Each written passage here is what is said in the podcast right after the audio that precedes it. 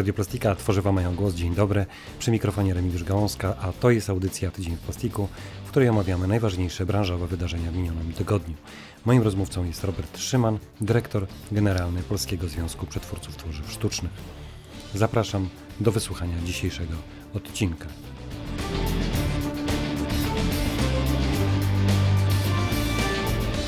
Za nami targi Warsaw Plast Expo. To była trzecia edycja tego wydarzenia, któremu towarzyszył dwudniowy blok konferencji. Pan był uczestnikiem debaty Przyszłość rynku recyklingu odpadów z tworzyw sztucznych.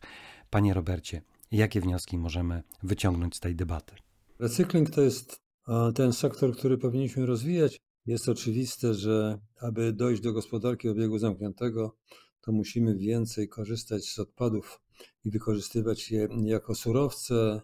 Nawet postulowaliśmy, żeby nie nazywać tego odpadami, tylko surowce wtórne, ponieważ odpady kojarzą się z czymś, co już nie da się wykorzystać, tylko można utylizować w sposób niestety niezbyt dobry dla środowiska, bo nawet odzysk energii poprzez spalanie też nie jest e, najlepszą opcją środowiskową. No wszyscy zgromadzeni byli zgodni, że to jest jedyna droga, jakkolwiek jest pewien problem związany z, zarówno z sytuacją na mm, krajowym rynku, gdzie recyklerzy są obciążeni pewnymi dość poważnymi opłatami wstępnymi związanymi z rygorystycznymi e, przepisami wprowadzonymi kilka lat e, wcześniej, e, co wynikało bezpośrednio z problemów z dzikimi składowiskami, również pożarami odpadów. No my się zgadzamy, jakkolwiek przy okazji niestety ucierpieli ci, którzy prowadzili biznes uczciwie. No, myślę, że tutaj dużo robi w tej materii E, chociażby Unia Europejska, e, tworząc legislacje kolejne, zwiększając obowiązkowe udziały recyklatów w produktach końcowych. Pytanie, czy to wystarczy, bo biznes jest biznesem. Jeżeli jest taniej kupić tworzywo pierwotne, no to dlaczego ja mam używać recyklatów? Może rzeczywiście jest potrzebna edukacja, czy ona ma szansę w starciu z biznesem? Z tą edukacją to jest różnie. W krajach zachodnich, gdzie zupełnie jest inny poziom edukacji i zupełnie inna historia, jeżeli chodzi o selekcję odpadów. Jak wiemy, tam na przykład w Niemczech systemy kaucyjne na opakowania do napojów funkcjonują bodajże już prawie chyba 40 lat, bo w latach 80. zostały wprowadzone. I mimo tego zdecydowano się na to, żeby, żeby je wprowadzić. Powiedzmy sobie szczerze, oprócz edukacji i zachęt powinny być także kary. Niestety.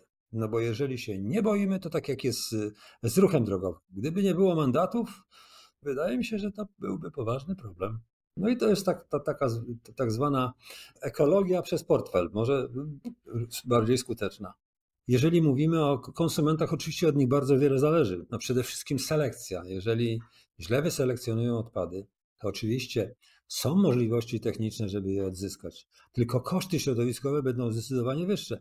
I na tym polega problem. Dlaczego e, e, na przykład decydujemy się na to, żeby wprowadzić system kaucyjny, który jest drogi? No, nie ukrywajmy, to, jest, to, to nie jest tajemnica, że on jest drogi. W efekcie zapłacą za niego konsumenci, no bo przedsiębiorcy nie mogą być na minus.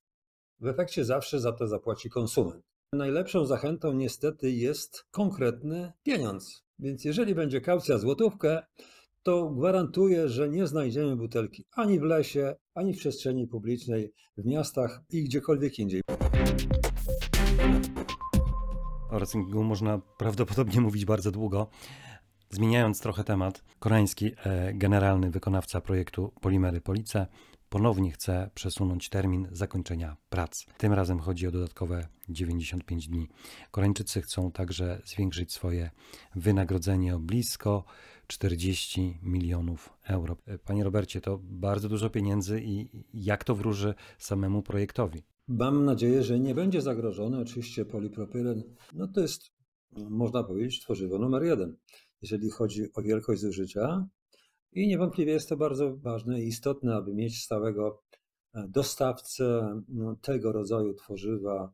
Dość duża ilość procentowo polipropylenu pochodziła z rynków wschodnich, dokładnie z Rosji.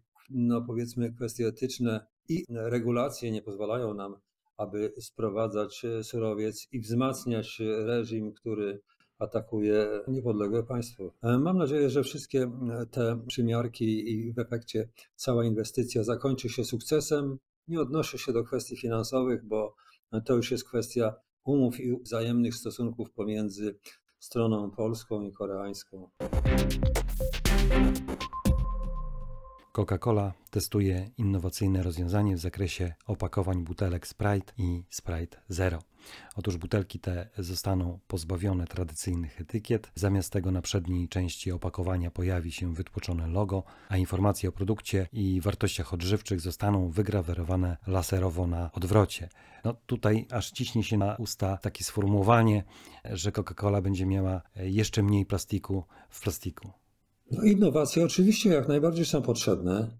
Jak wiemy, butelka to jest politereftalan etylenu, natomiast sama naklejka czy powiedzmy etykieta jest wykonana prawdopodobnie z polipropylenu bądź z polietylenu, więc te tworzywa oczywiście nie mogą być mieszane i powinny być odseparowane na etapie e, już samego recyklingu, aby nie zanieczyszczać poszczególnych strumieni.